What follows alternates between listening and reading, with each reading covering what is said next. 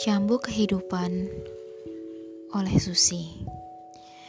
Masih tersimpan dalam memori kepahitan yang mendera diri Hinaan dan cemoohan kerap mewarnai hari-hari. Tanpa ada yang bersedia menjadi penyangga diri Waktu tak terasa terlewati. Genap sewindu sudah terisolasi. Sendiri tanpa kaum kerabat yang bersimpati. Semua menjauh tanpa mau peduli. Aku tak ingin menjadi lemah. Aku harus terus melangkah.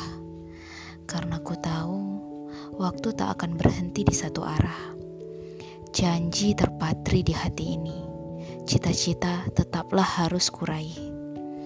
Sewindu bukanlah waktu yang singkat mencoba buktikan diri untuk menjadi sosok yang kuat. Butuh perjuangan keras dan tekad yang kuat. Walau ku tahu cercaan tak henti mendekat. Lihatlah aku kini, telah kubuktikan diri mampu melewati ujian ini.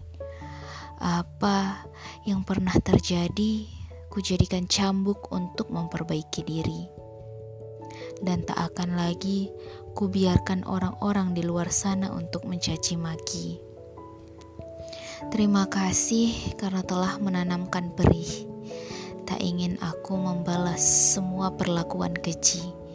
Cukuplah semua luka hati, berharap semua tak akan terulang lagi.